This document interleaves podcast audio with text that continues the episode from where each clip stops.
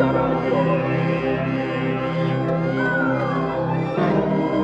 你咋着？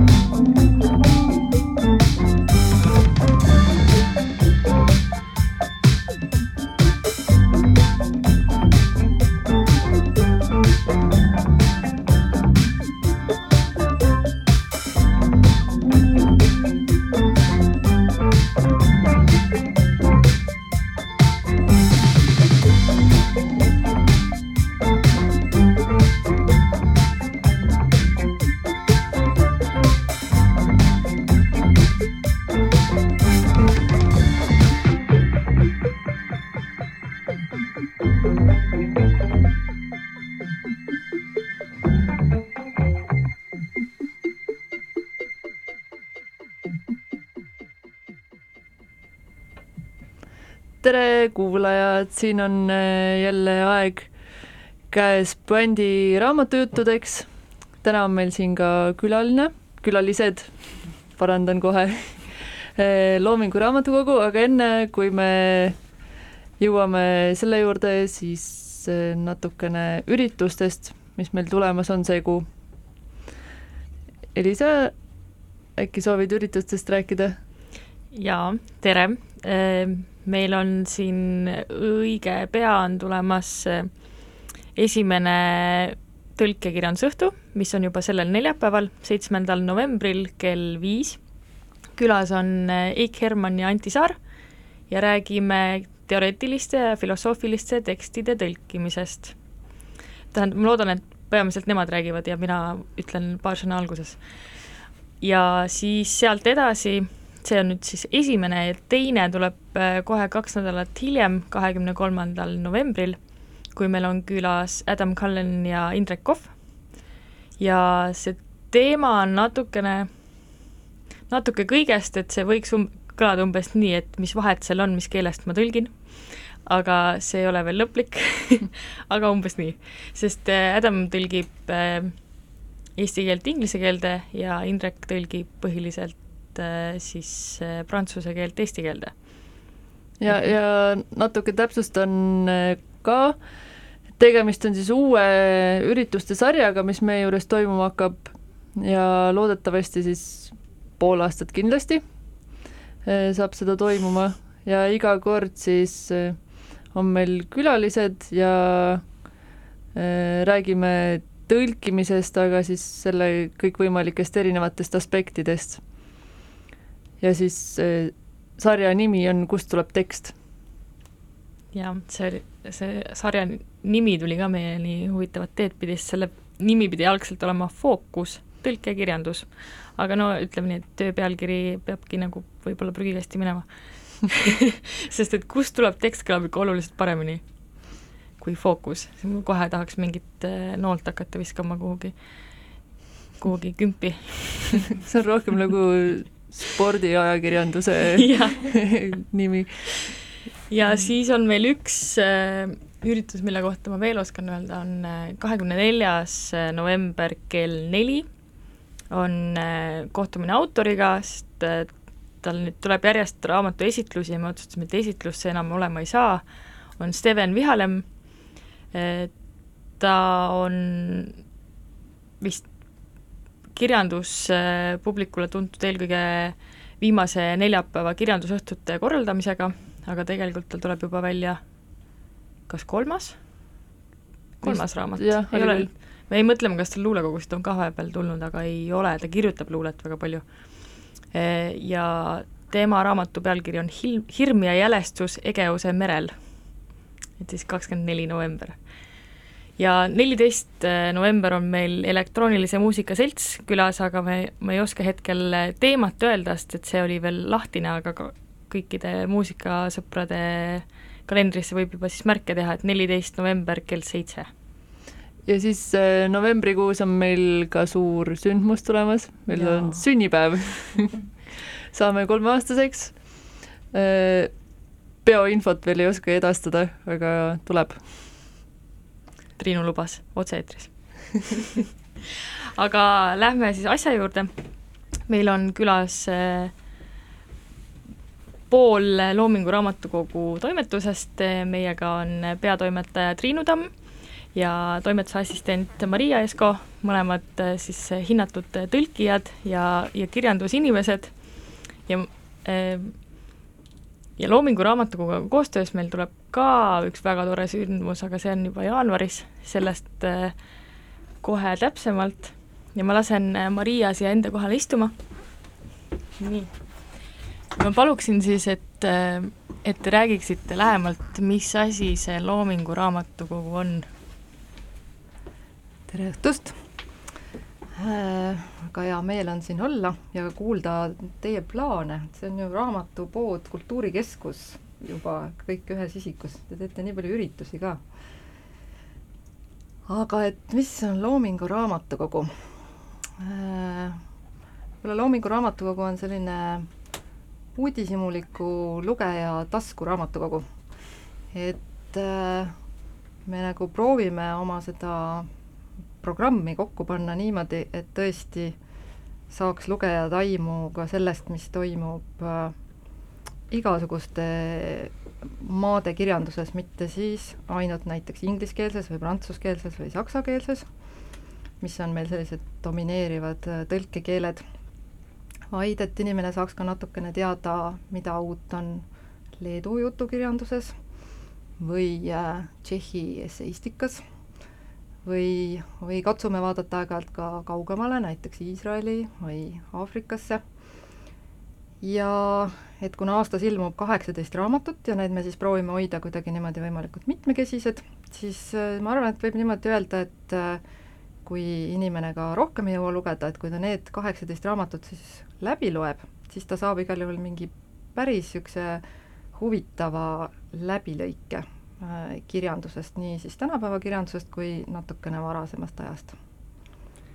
tere ka minu poolt mul on samuti väga hea meel siin olla ja kuulda kõikidest nendest lahedatest asjadest, mille Puent ette võtab.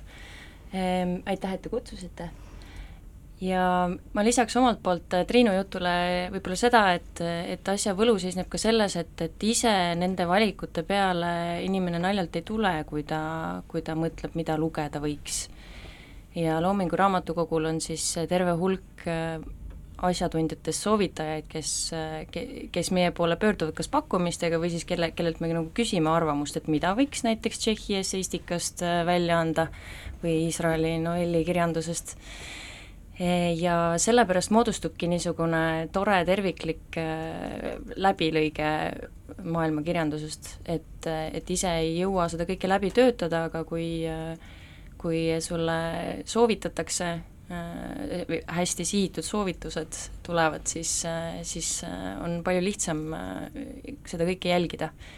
ja ma ise hakkasin ka, kui ma tulin Loomingu Raamatukogusse tööle kaks aastat tagasi, siis ma alguses mõtlesin, et see on lihtsalt elementaarne, et ma, et ma loengi järjest läbi kõike, mis meil ilmub.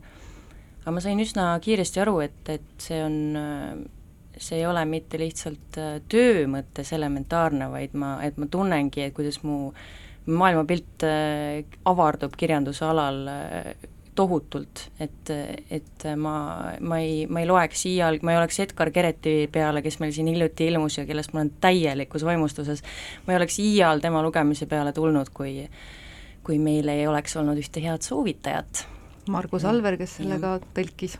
just entusiast sealhulgas, selles mõttes, et asjatundja võid sa ju olla, aga kui sa oled selline tülpinud asjatundja, eks ole, siis need valikud võib-olla ei tule väga kirglikud, aga, aga tõesti, meil on vedanud just selliste entusiastlike asjatundjatega viimasel ajal. no vot, ja siis on tõesti, et me ju, meil on ka tellijaid päris palju, kes selles mõttes usaldavad seda meie pakikest, mis me neile siis kokku paneme aastaks äh,, siis, siis see on tõesti väga, väga rõõmustav, et see usaldus on ikka endiselt nii suur et ligi tuhat inimest siis nii-öelda usaldab seda valikut juba ette ja meie siis tõesti pingutame selle nimel, et nad ei peaks pettuma.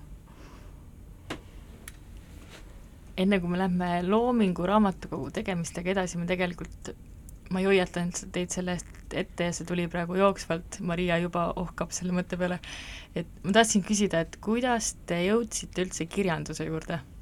kas teil on, kas see oli mingi hetk või see on lihtsalt kasvanud teiega koos? mina küll ei mäleta, see peab üks varane lapsepõlvemälestus siis olema, järelikult oskan ma ütelda. et äh, ikka ema-isa lugesid ette, kuidagi noh, see on nagu selline hästi tavaline keskkond olnud. ja koolis ma käisin ka keeleklassis, edasi ülikooli läksin keeleklassi, õppisin õppisin edasi prantsuse keelt filoloogiat Tartu Ülikoolis, siis küll mõned küsisid, et kas ei saanud selgeks siis veel koolis või ja, ja noh, kuidagi see keel, keel, kirjandus, kultuur, et noh, see kõik kokku kuidagi niimoodi külgneb ja, ja siis kuidagi see on lihtsalt mingisugune keskkond, milles ma tõesti mäletan ennast elavat nii kaua, kui ma ennast üldse mäletan. et mingit hetke, sellist valgustust ei ole praegu rääkida mul on vist enam-vähem sama lugu nagu Triinul ja, ja ma ütleks, et ühtegi keelt ei ole võimalik selgeks saada, kaasa arvatud emakeelt mitte, sest et see muutub pidevalt ja, ja, ja alati on avastusi, mida sa ei oleks oodanud. Ja ma hakkasin kummaliselt vara lugema, ma arvan, et ma ei viitsinud veel kõndidagi, kui ma juba lugesin mingisuguseid asju. Ja, ja muidugi Astrid Lindgreni kõik teosed on, on kapsaks loetud si-, siiani alles, aga, aga noh, täiesti sellises olekus, et neid ei julge puutudagi enam, lagunevad laiali kohe.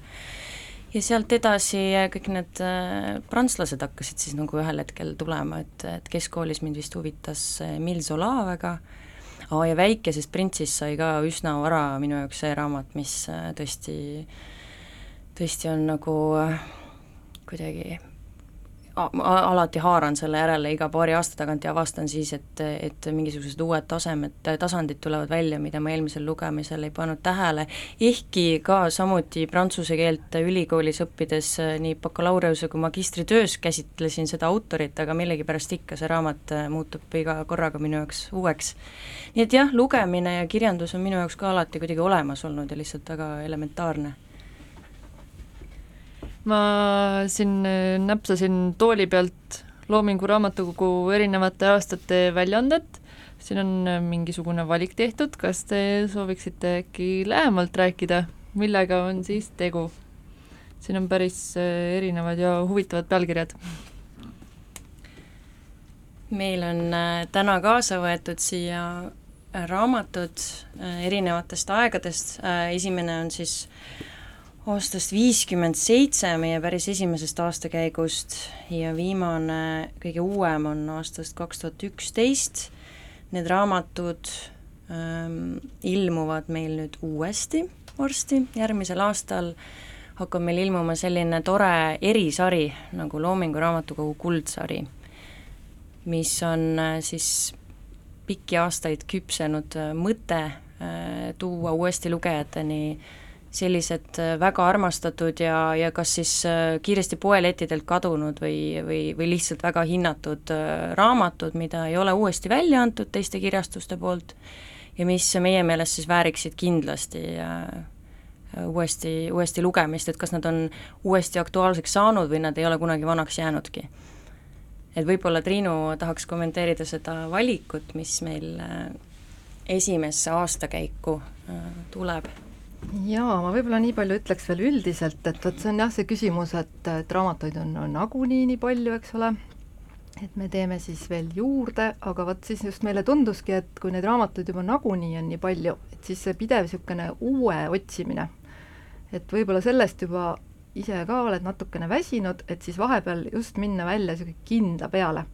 et noh, et need raamatud on ikkagi tõesti juba sellised, mis on, aeg on näidanud, et noh, need jäävad ja võib-olla siis, et nagu, et sügis tuleb ka igal aastal ja et samamoodi võib ju ka nagu päriselt häid tekste lugeda ikka ja jälle uuesti. ja vot nagu, eks ole, Maria ütles Väikse printsi puhul, et täpselt nii ongi, et ma arvan, et iga kord inimene loeb ja avastab midagi uut, sest et vist on nii ka, et inimene nagu loeb mõnes mõttes kogu aeg iseennast. Ja siis parimal juhul ju inimene areneb.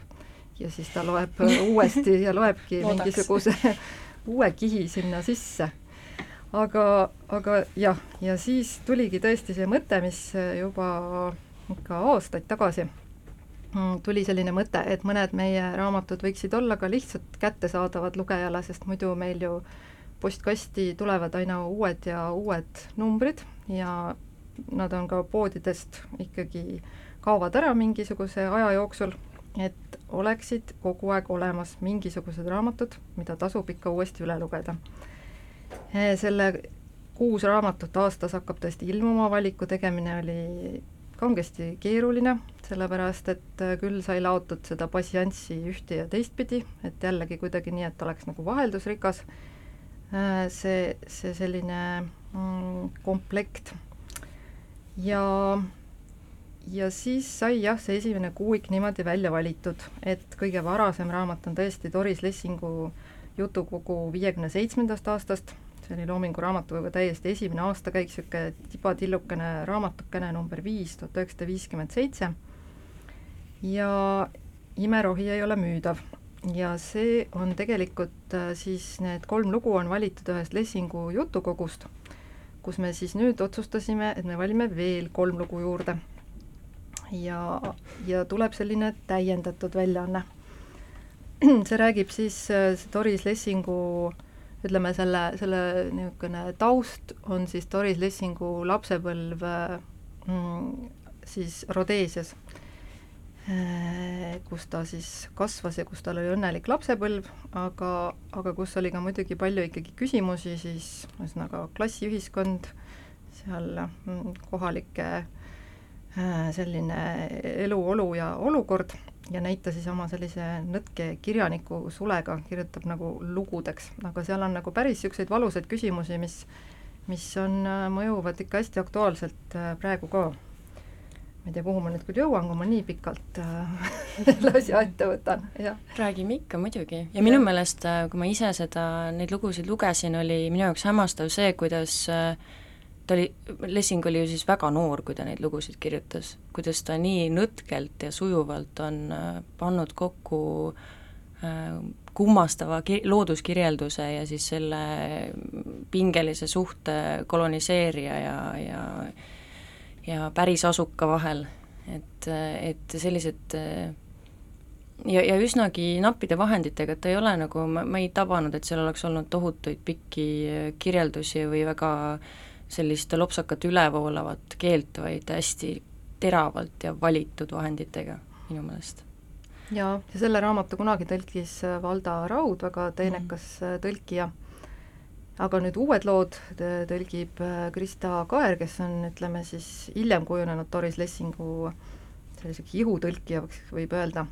ja tõesti jääb üle ainult imestada, aastal viiskümmend seitse oli siis Loomingu Raamatukogul Vaistu välja anda ikkagi noh, mitte siiski kõiksugu preemiaid saanud autorit, Doris Lessing, ta oli siis kuskil kolmekümne midagi mm -hmm. natukene aastane. et äh, sugugi mitte selline etableerunud klassik, nagu ta praegu on, aga aga kuidagi ta sinna Loomingu Raamatukogu valikusse jõudis siis juba kohe esimesel aastal. kui nüüd ajas edasi liikuda, siis järgmine ma vaatan, on siin tuhat üheksasada viiskümmend kaheksa Jaroslav Hašek, Huumorikool ja see läheb siis kohe paari Jaroslav Hašek, Geniaalne idioot, aasta tuhat üheksasada kaheksakümmend kolm. et äh, vot see on nüüd jah, niimoodi, et kõik Šveiki sõbrad kogunege. kogunege ja et äh, noh, Šveiki tõesti ju eestlased on armastanud ja, ja siin ütleme, see geniaalne idioot siis räägib siiski Šveiki ütleme siis noorpõlvest, enne seda, kui temast sai vahva sõdur, eks ole. et ütleme, selline eellugu siis. Jah, sõduriseiklusi on seal ka omajagu, mul oli au neid äh, siis digiteeritud äh, tekste nii-öelda puhastada, et vaadata, kas kõik šaad on õigesti ja nii edasi ja, ja ma pean ütlema, et ma ei saanud äh, eriti keskenduda sellele tööle, sest et ma lihtsalt äh, naersin ja pidin muudkui edasi lugema, sest et need lood on pööraselt naljakad ja ma, minu jaoks jääb täiesti müstikaks, kuidas nii saab olla, et keegi sada aastat tagasi kirjutas naljalood ja mina loen ja naeran ja ei saa tööd teha aga noh, seal on sõdurilugusid ka jah, ja siis seal on täiesti humoreske, kus äh, Šveik ei figureeri, aga see ei, äh, ei, sellepärast ei maksa kurvastada, sellepärast et et tegu on tõesti pööraselt absurdse ja, ja naljaka kogumikuga. või noh, nüüd me oleme siis pannud kokku kaks, kaks kogumikku. sealjuures ka, eks ju, üks, üks tõlge pärineb aastast viiskümmend kaheksa ja me oleme otsustanud äh, seda keelt, tolleaegset keelt ka siiski säilitada ja mitte hakata äh, kuidagi, kuigi keel, eks ole, muutub ja, ja, ja justkui vananeb, aga see, selle vana teksti äh, lugemisel on, on, äh, on oma osa selles võlus, et et me kindlasti ei taha seda vana Hašeki tõlget kuidagi muutma hakata, see on äärmiselt muhe lugemine. ja kahe, nende kahe kogumiku vahe on siis kolmkümmend aastat, kahe tõlke vahe. Viiskümmend kaheksa, kaheksakümmend kolm. Mhm. noh, ikka päris pikk vahe. aga vot jah, eks see, et, et hea tõlge siis äh, ei vanane, et selle äh, siis need äh, Geniaalne idioot on Lembit Remmelgas, kes on kirjutanud ka ava, lõpu ja vahelugemised, ja huumorikool, vot see nüüd ei ole Šveik, see on lihtsalt huumorikool mm. -hmm ja, ja siin on lihtsalt äh, lõbusad lood. lugege ja õppige, huumorikool. ja vot see on ka nagu mõnes mõttes huvitav, et, et kuidas tegelikult see huumorikool, eks ole, millist, milliseid viljakaid juuri ta on Eesti kultuuri ajanud, et ta oli ju Pikris oli rubriik, oli huumorikool ja ja ma arvan, et ütleme, Eesti humoristid mm, on ikkagi selle sõnniku peal kõik päris hoolega kasvanud. ja, ja sellepärast meil tekkiski ka see mõte, et eh, seda esimest raamatut siis, need kõik need Hašeki lood ühtede kaante vahel, et seda me palusime mm, tutvustama siis sellise poistebändi nagu Toomas Kall, Andrus Kivirähk ja Mart Juur ja vot nendel kindlasti on üht-teist selle peale öelda, et äh, mis on nagu nende suhe geniaalsuse ja idiootide ja huumorikoolega, kooliga. vot, aga see on siis jah, jaanuaris, kui tuleb meil Loomingu Raamatukogu sünnipäev ja kuldsarja äh, avaüritus. muidugi Puendis. raamatupoes Puent nii, ajas edasi liikudes, aasta on üheksakümmend üks ja Ingmar Bergman, Fanni ja Aleksander. et Bergmani kohta võib nüüd öelda, et tema on tõesti olnud niisugune Loomingu Raamatukogu üks püsiautoreid, et selles on muidugi oma osa Anu Salojärel, äh, kes suur rootsi keele ja kirjanduse asjatundja ja kes isiklikult ka Bergmaniga suheldes alguses, kõik ju see autoriõiguste ajamine oli ka üks paras äh, peavalu siin varasematel aegadel, et siis otse Bergmaniga suheldes ta neid õigusi hankis, et Loomingu Raamatukogu võiks neid raamatuid välja anda. Äh, jah, ja Fanny ja Aleksander on selline siis teatrimaailmast rääkiv tekst, mille järgi on tehtud ka film. mis on saanud võõrkeelse filmi Oscari ja mida on ka Eesti teatrites mängitud, Vanemuises Ain Mäeots lavastas, eks ole. just. aga mis on ka kirjandustekstina ikkagi täiesti seisab oma, omadel jalgadel, et seda ikkagi tõeline ki-, kirjanduselamus on ka seda lugeda Bergman ise ütles, äh, ütles selle kohta, et see on tema nagu lõppsõna ja hüvastijätt kinokunstiga. see muidugi ei jäänud tema päris viimaseks teoseks, eks ole, aga tema enda jaoks oli see tohutult selline, tohutu tähtsusega selline sammas tema, tema loometöö siis lõpus, nagu ta ise arvas. nii, siin on meil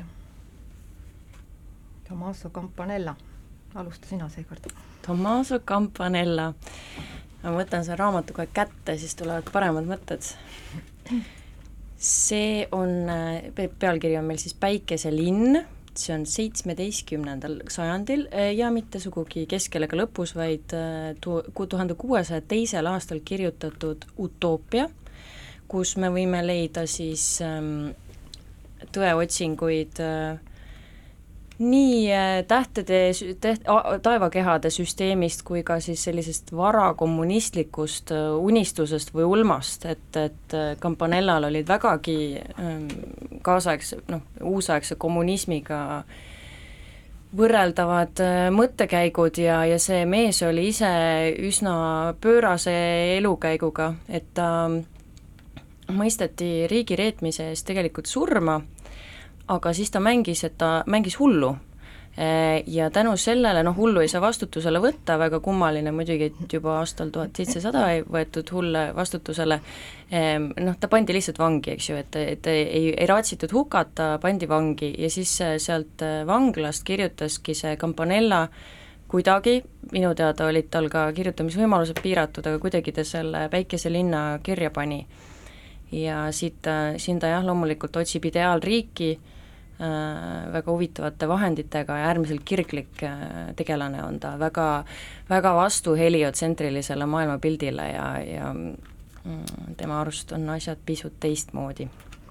ja see raamat võiks jah, tõesti olla siis näide sellest, et äh, on raamatud, mis ei vanane, et et täitsa kõnetab ja räägib teemadest, millest me ka praegu ikka veel, ikka veel räägime, ikka ei ole selgeks mm. saanud.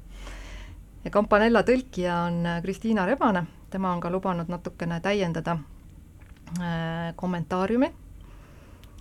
Ja Hašeki kohta ütlen veel ka seda, et äh, nüüd sellele uuele väljaandele tuleb ka uus saatesõna, mida Toomas Kall praegu kirjutab, nii et väikene uudisväärtus on ka.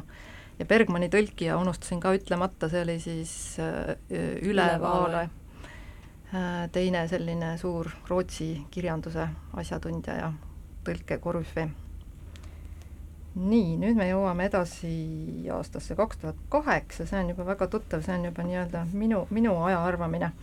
Pierre Bayard, Kuidas rääkida raamatutest, mida me pole lugenud, ma arvan, et see oligi üks minu üsna esimesi toimetamistöid. Tanel Lepsoo mm, selle raamatu tõlkis, ma arvan, et Tanel Lepsoo ise sellega pakkus, sest kui mina toimetusse jõudsin, siis oli see raamat juba töös siis oli põhiküsimus selles, kuidas Tanel Lepsoo käest tõlge kätte saada, et see oli nagu õhus olnud juba natukene aega. ja siis äh, saime kätte. ja, ja tõepoolest, see on nüüd esseeraamat, võib niimoodi öelda. ja Pierre Bayard on ise ülikoolis äh, kirjandusõppejõud ja tegelenud ka äh, mm, psühholoogiaga ja vot nüüd ta need kaks asja panebki kokku, et tema selle raamatu, tal on täitsa noh, mõnes mõttes võib seda ka niisuguseks eneseabiraamatuks lugeda, kirjanduse armastaja eneseabi, et ta püüab nagu seda pinget maha võtta, mis vahest nagu kirjanduse ümber on, et mingi selline pühaduse oreool ja et eh, paljud inimesed, ma olen seda ise ka märganud minuga rääkides, näiteks kuidagi nagu kohmetuvad, et noh, nagu et mina teaks õigesti, kuidas raamatute kohta rääkida, aga et nemad kuidagi nüüd ei tea päris, kas ütles midagi õigesti või äkki läks valesti ja et äh, vot, et seda pinget nagu maha võtta, et äh, selles mõttes lugemine on ikkagi väga selline individuaalne ja peabki selline olema. ja, ja ta noh, väga ka julgustab noh, näiteks hoopistükkis, et äh, raamatuid ka pooleli jätma, et ei ole mingisugust sundust, et peab lugema. ja siis ta ka niisuguseid igasuguseid provotseerivaid väiteid siin käib välja, et noh, näiteks Oscar Wilde'i tsitaat, et, et kui ma mingit raamatut arvustan, siis ma kindlasti seda ei loe enne, sellepärast et inimene on ju nii mõjutatav. ja siis tal ongi terve selline intriigipüstitus, et tegelikult selleks, et raamatust hästi rääkida, võib-olla ongi parem, kui sa ei ole seda lugenud mm., et sa ei lase ennast nagu segada igasugustest asjaoludest. näiteks raamatust endast. jah ja et, et sellest, et raamatutest nagu huvitavalt rääkida, tegelikult ju raamatu juures noh, mõnes mõttes ei ole ju nüüd, kas sa nüüd täpselt mäletad, et kes abiellus kellega, millal ja mida nad siis tegid, vaid midagi muud. ja et noh, et, et see just see, see midagi muu on tegelikult see, millest me ei peaks häbenema rääkida. ja siis ta toob hästi naljakaid näiteid äh, kirjandusloost ka, et noh, näiteks, et millal me üldse võime öelda, et me oleme ühte raamatut lugenud, et me lugesime küll, aga tegelikult noh, ma ei mäleta mitte midagi, kas ma siis mm -hmm. olen lugenud. siis näiteks äh, Michel de Montaigne'ist ta toob näite, kes oli siis ka äh, autor, kes ei mäletanud, väidetavalt tal oli kohutavalt halb mälu ja et tulid lugejad temaga rääkima raamatutest, mida ta oli nagu justkui kirjutanud ja ta ei mäletanud. ja et kuidas sellest olukorrast nagu välja tulla et, et siin on selliseid äh, toredaid näiteid läbi kirjandusajaloo toob ta ka. ja tegelikult äh, sageli olen sattunud vestlustesse, kus selgub, et äh, üsna suure tõenäosusega jäävadki inimestel äh, mõned nii-öelda klassikud lugemata et, et kõike, kõikvõimalikku huvitavat lugemist leidub siin ja seal ja siis selgub, et eks ju, Tolstoid ei olegi kõik lugenud, tuleb välja. noh, ja, ja äärmiselt tore on sellisel hetkel aru saada, et sa ei pea häbenema niisuguseid asju. et raamatute lugemine või mittelugemine iseeneses, see fakt iseeneses ei tähenda veel mitte midagi.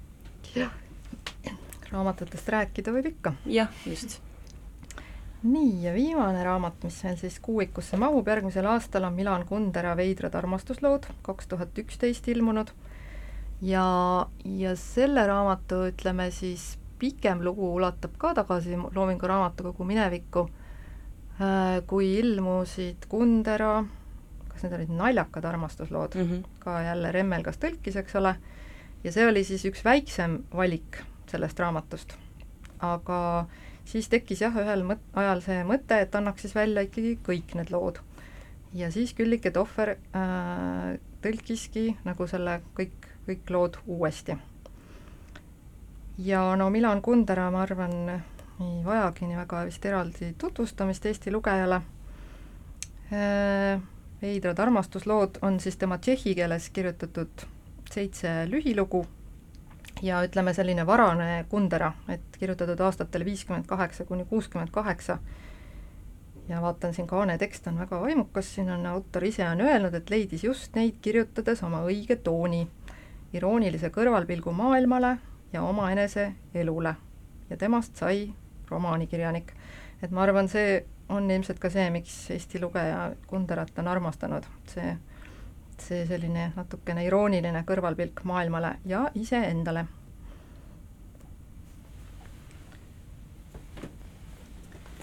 ma arvan, et äh, hetkel on üks õige hetk teha väike loopaus, et äh, meie külalised saavad ka natukene hinge tõmmata ja siis äh, jätkame juba õige pea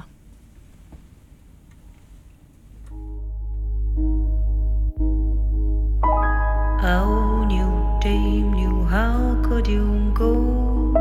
Twisted sick, but I'm on the floor. Come rescue me.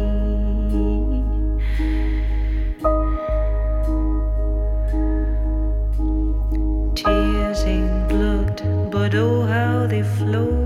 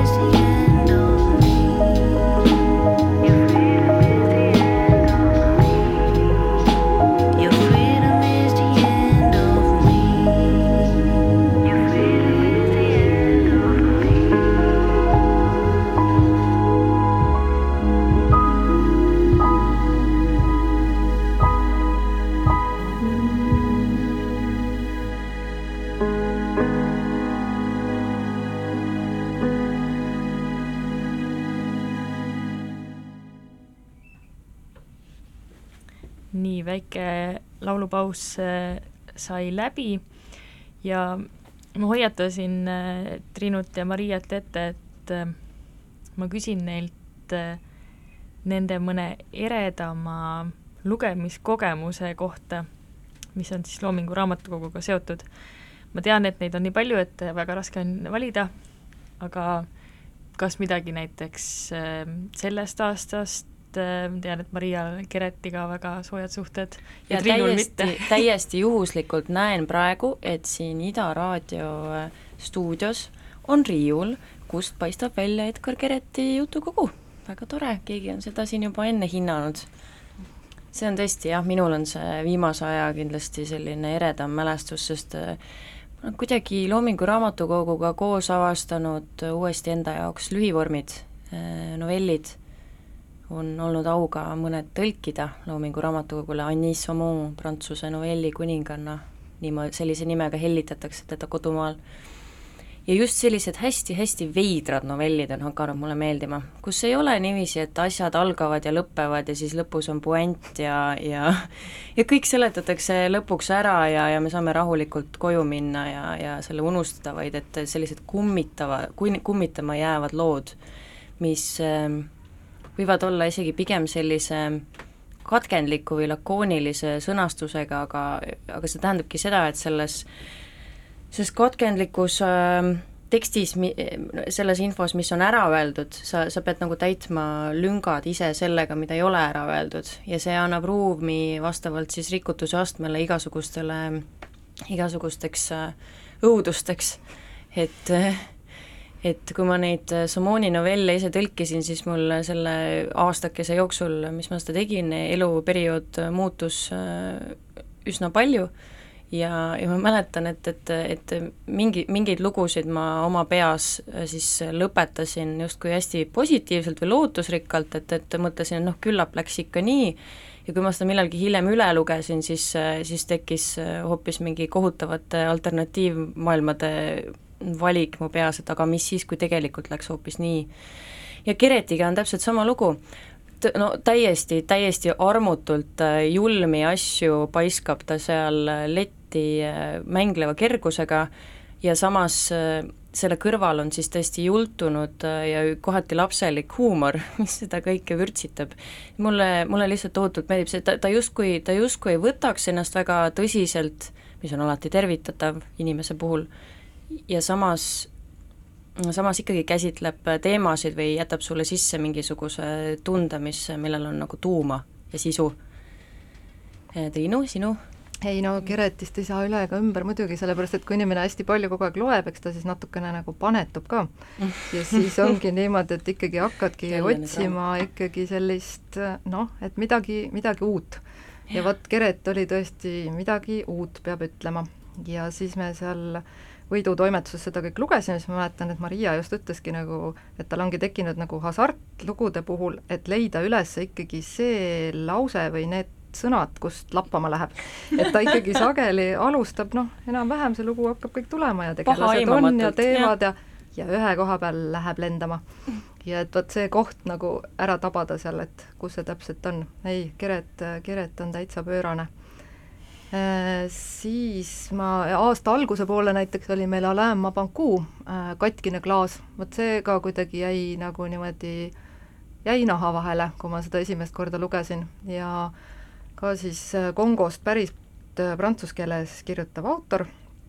Ja raamat räägib siis Katkine klaas jutustab seda lugu, ta on nii-öelda kroonik ühes baaris, mille nimi on Tuulest viidud krediit. Ja seal ta siis istub päevad läbi, joob palmiveini ja kirjutab üles, mis ta näeb ja kuuleb. aga see on äh, ka jälle, ütleme, et noh, need on niisugused anekdootlikud tegelased, väga värvikad, ja mis nendega seal kõik juhtub, äh, vahest see on kõik juba niisugune hea maitse piiri peal ka kõigub seal, aga siis ikka jälle kuidagi naks ikka kukub tagasi sinna maitse poole peale ja samas just seesama nagu Kereti puhulgi, et sa tunned, et hästi sügavalt on tegelikult seal taga ka olemas see, see maa ja need inimesed ja nende nagu päris probleemid et selles mõttes Kongo siis niisugune endine koloniaalriik ja et suhted prantslastega ja ja suhted siis selle kirjandusega ja nendel ju ka, et ütleme, kirjanduskeel on nüüd ikkagi neil kolonisaatori keel ja noh, ühesõnaga kogu, kogu see probleemistik tegelikult tuleb nagu ka taha. Ja see on näiteks kõikidele ka raamatusõpradele selline, ma ütleks, et kingitus, sest et sinna romaani on siis ära peidetud, ma ütleks, et isegi sadu kirjandusteoste, filmide äh, laulupalade pealkirju ja et vot siis lugeja võib neid niimoodi ka sealt taga ajada nagu rosinaid saia seest, et loeb ja vaatab, mitu ristikest saab tehtud. Iga kord, kui pealkirja näeb, teeb ristikese, saab niisuguseid viktoriine teha, kelle, kes leidis rohkem. et sellised, sellised äh, eredad sähvatused, jah.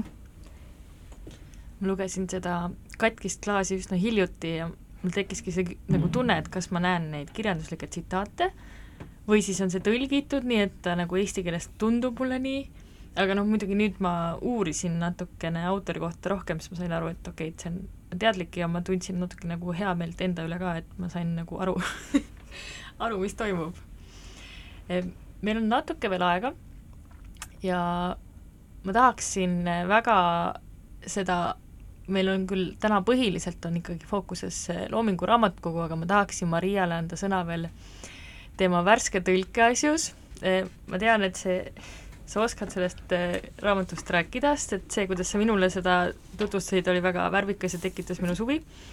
aga neljapäeval, kui meil on siis eh, tõlkekirjandusõhtu, siis me oleme teinud sellise masterplaani poele, et me teeme enda õhtu ära ja siis võtame kõik inimesed äh, poest kaasa ja lähme Maria raamatu esitlusele, millest ta siis kohe räägib. ja see on äh, neljapäeval kell kuus äh, pluss viisteist, kakskümmend minutit. Me ootame teid ära ilusti seal Beat Me plaadipoes Viru tänaval toimub see raamatu esitlus. Hästi kohaselt selle raamatu sisule, raamatu äh, autor on siis äh, Virginie Despentes, selline käre prantsuse no ütleme mutt, aga kõige paremas mõttes, ehm, tõesti kõige paremas mõttes, ta on äh, ta on olnud seksitöötaja ja, ja pornoajakirjanik oma varases nooruses, tal on olnud kohutavalt halbu kogemusi kõikvõimalike asjadega, mis võivad noore naisega juhtuda ja, ja see, ja siis kui ta kirjutama ja looma hakkas, siis, siis alguses tema tööd olidki äärmiselt nagu vihased ja valusad. nüüd on ta jõudnud oma, omadega siis viiekümnenda eluaasta lävepakule, ta on saavutanud sellise ütleme, küpsuse, et tema viha on muutunud analüüsi või mõistmise sooviks, ütleme nii. ta on, esindab ka nii-öelda uue laine, ma ei tea, mitmenda laine feminismi, Äh, oma, oma, äh, mille, mida, mille vaateid ta on siis selgitanud ka ühes, äh, ühes oma sellises esseistlikumas teoses King Kongi teooria, see ei ole veel eesti keelde jõudnud. aga, aga siis see raamat, mille mina tõlkisin, selle pealkiri on Vernon Subutex, või siis nagu me ütleme suupäraselt Vernon Subutex, see on see on ühtlasi raamatu peategelase nimi, nimi, mille ta on endale ise võtnud, ta oli siis äh, üheksakümnendatel oli ta Pariisi legendaarseim plaadipoodnik, tal oli äh, selline plaadipood nimega Revolver, kus äh, maja oli pidevalt rahvast täis, äh, leti taga sündisid rokkstaarid, kohutavalt palju tarbiti narkootikume ja õlu voolas ojadena ja, ja, ja Subuteks oli siis selline, sellise intuitsiooniga asjatundja, kes, kes suutis inimese, vestles inimesega paar minutit ja sai juba aru, millist muusikat talle soovitada.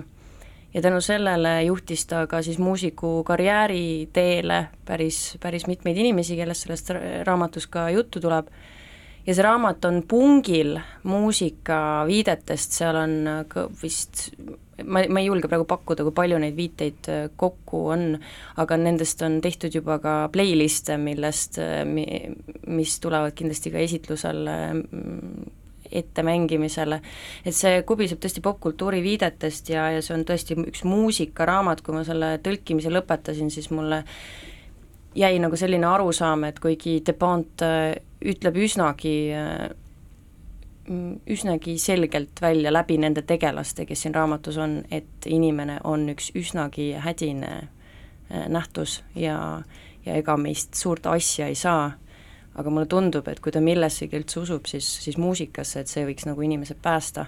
ja need tegelased, kes siin on, on siis äh, eranditult sellised äh, fruktid, ütleme niimoodi, kes siis selle, mm, keda siis, kelle sõlmpunkt on siis see peategelane Sübütex, kelle plaadipood pandi kinni, kui äh, CD-tööstus äh, väga edukas, edukaks muutus ja kõrvale tulid ka nähtused nagu Napster ja, ja, ja nii edasi, mis siis noh, vinüülid jäid, jäid siis Prantsusmaal ja tegelikult noh, kogu maailmas ajutiselt varju surma, õnneks Eestis võib, mina võin küll öelda, et et minu meelest minu tuttavad ainult vinüüle kuulavadki, väga kihvt aga igatahes Venon kaotas siis oma po-, äh, poe ja mõnda aega elas ta õndsas äh, idüllis, kus ta teeskles, et, et, et, et kõik on okei okay,, miski pole muutunud, aga siis ta jäi ilma, ilma ka oma korterist ja hakkas äh, Pariisis siis ähm, endiste sõprade juures ulualust otsima ja siis läheb paras trall lahti. ja, ja mulle meeldib see, et De Pont on, on on siis kirjutanud iga peatüki justkui pooleldi läbi äh, seal tutvustatava tegelase mõttemaailma, et ta on, on küll jutustava, jutustaja hääl ja tegelasest räägitakse kolmandas isikus, aga tema keelega, tema häälega ja tema mõtteid nagu otse vahendades ja, ja need inimesed on siis äh, enamasti sellised, kes on jäänud mingis mõttes oma, oma nooruspõlve kinni, ähm, seda on väga keeruline seletada, mida ma sellega öelda tahan, sellepärast et see ei tähenda loomulikult seda, et on halb, et inimene elab, et inimese mõttemaailm äh, nagu aja jooksul palju ei muutu, pigem tähendab see vist seda, et et, et kui sa jääd kinni mingisse maailma, kuhu sa tegelikult ei pääse enam, et sinu jaoks on elu nagu kogu aeg mujal ja, ja, ja sa ei oska ennast, sa ei oska enda kohta leida. et, et paljud nendest tegelastest on, on sellised ja seda, ja seda valu siis Depant mõnusasti äh, krutib ja, ja vajutab täpselt sinna, kust, kus sotsiaalne närv kõige rohkem pingul on. et käsitletakse väga palju probleeme, see on väga paljusid erinevaid probleeme, mis ei ole noh, nagu Prantsuse, Prantsusmaa kesksed, vaid on täiesti universaalsed, meilgi väga-väga aktuaalsed, näiteks näiteks transsoolise inimese identiteedi küsimused, see, see valu, mis, mis kaasneb öö, otsusega Äh, et või noh, tundega, et sa ei taha olla sellest soost, millega sa sündinud oled, äh, siis on siin, räägitakse koduvägivallast, äh, antakse sõna mehele, kes siis on aastaid oma laste ema peksnud näiteks, aga et mitte, mis mulle väga meeldib De Ponti juures, et, et ta ei materda oma tegelasi väljaspoolt, vaid ta läheb nende sisse, laseb neil pahaaimamatult oma lugu rääkida ja selle loo käigus siis selguvad äh, need asjad, mis meie jaoks, eks ju, on mõistetamatud, ma arvan, et siin ruumis ei ole ühtegi inimest, kes kuidagigi koduvägivallast äh, aru saaks, aga et, et De Pont nagu kritiseerib asju läbi arusaamise, see mulle meeldib. nii et tulge, tulge esitlusele kindlasti neljapäeval kell, kell kuus jah, vot De Ponti kohta ma võib-olla ütleks ka hästi lühidalt, et, et, et vot see on nüüd see kingitus, mida võib teha meile nagu kaasaegne autor, et me siin rääkisime rohkem võib-olla äh, Äh, varasematel aegadel kirjutatud teostest, aga vot, et just, et kaasaegne autor, ta võtab mingisuguse konstellatsiooni, mis on meil siin ja praegu mm -hmm. ja siis mhm. vaatab, kuidas inimene selles nagu toime tuleb ja hakkama saab. et ühtepidi nagu hästi konkreetne ja teisest küljest ikka see inimene on tal seal keskmes mm, -hmm. see ajatu, ajatu igavene inimene oma oma väikeste murede ja rõõmudega. ja see keel, siin on, see on hästi ropp raamat, ütlen kohe väga lõbus oli tõlkida seda äh, kirjastaja käest üldse, mul jääb igaveseks see lause meelde, kirjastaja andis mulle selle raamatu, palus mul tutvuda, öelda, kas mulle meeldib ja ütles, et siin on nüüd loomingulist ropendamist vaja. ja seda siit leiab küll, jah, jah.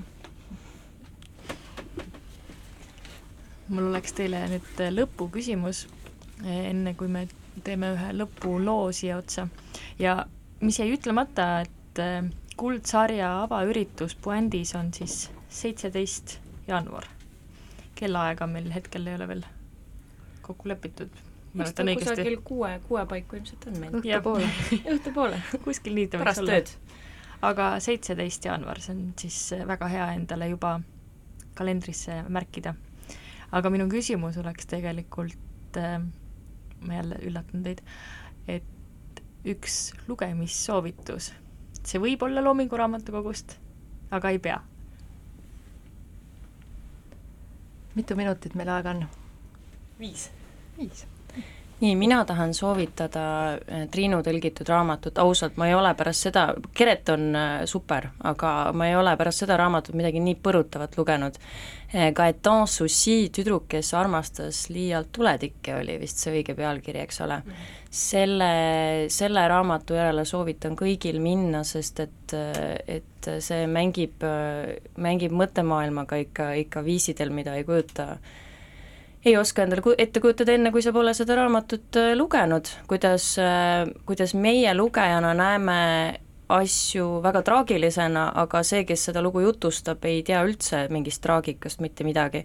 ja see keel, mille Triinu on sinna konstrueerinud, äh, mm, et tõl-, seda tõlkides siis on, on ka omamoodi niisugune gurmee-elamus, et mulle meeldivad kõik keelelised veidrused tohutult ja ma, ma nautisin seda raamatut väga ja ootan juba aega, et ma ja ma saaks seda uuesti lugeda, liiga sageli, eks ju, ei saa, sest et sul on see raamat siis varsti peas, aga, aga kindlasti võtan varsti uuesti ette, tahan lugeda no,. see on jah soovitus, et friigikirjandus friigikirjandus just, et ähm, et noh, kui sa, kui te tahad raamatust kangelasi otsida või midagi, et siis ma ei soovita lugeda, lugeda ei Subuteksi ega, ega seda Tuletikutüdruku raamatut.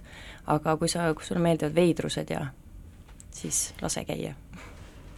minul oli äh, viimane, täitsa ausalt viimane lugemiselamus äh, oli Kivarraku Moodsa aja sarjas, ilmus siis Taani autori Nielsen Euroopa kevad.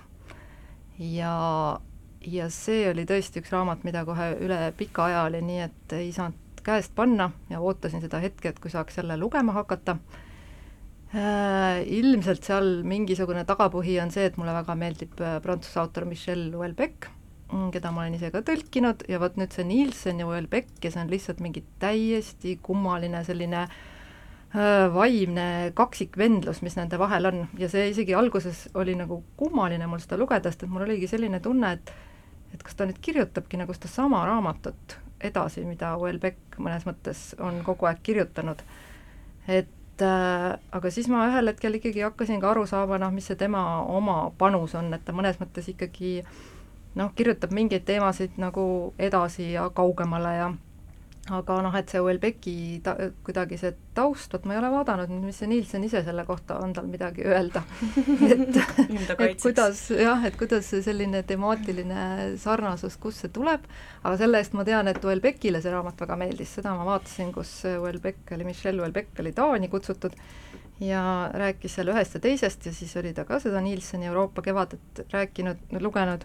Ja rääkis siis sellest, et, et tema meelest on see tõesti väga õnnestunud, ja noh, üllatus-üllatus, räägib olulistest teemadest, eks ole, millest tuleb äkki isegi no küsimus siis ikkagi jah, sellest, et kuidas see inimene, kuhu ta nagu edasi läheb, et noh, tegelikult Houellebecq ise ka kogu aeg nagu paneb muretsema, et noh, nii nagu see inimene praegu on, ütleme, keerab seda planeeti nässu ja mõnes mõttes ka, et noh, et äh, kuidagi iseennast keerab äh, nagu nässu, et, et kuhu siis ikkagi nagu edasi, vot ja siis Nielsen pakub ka mingisuguseid äh, variante, aga noh, ma ei hakka neid ära rääkima, et seda tõesti soovitan lugeda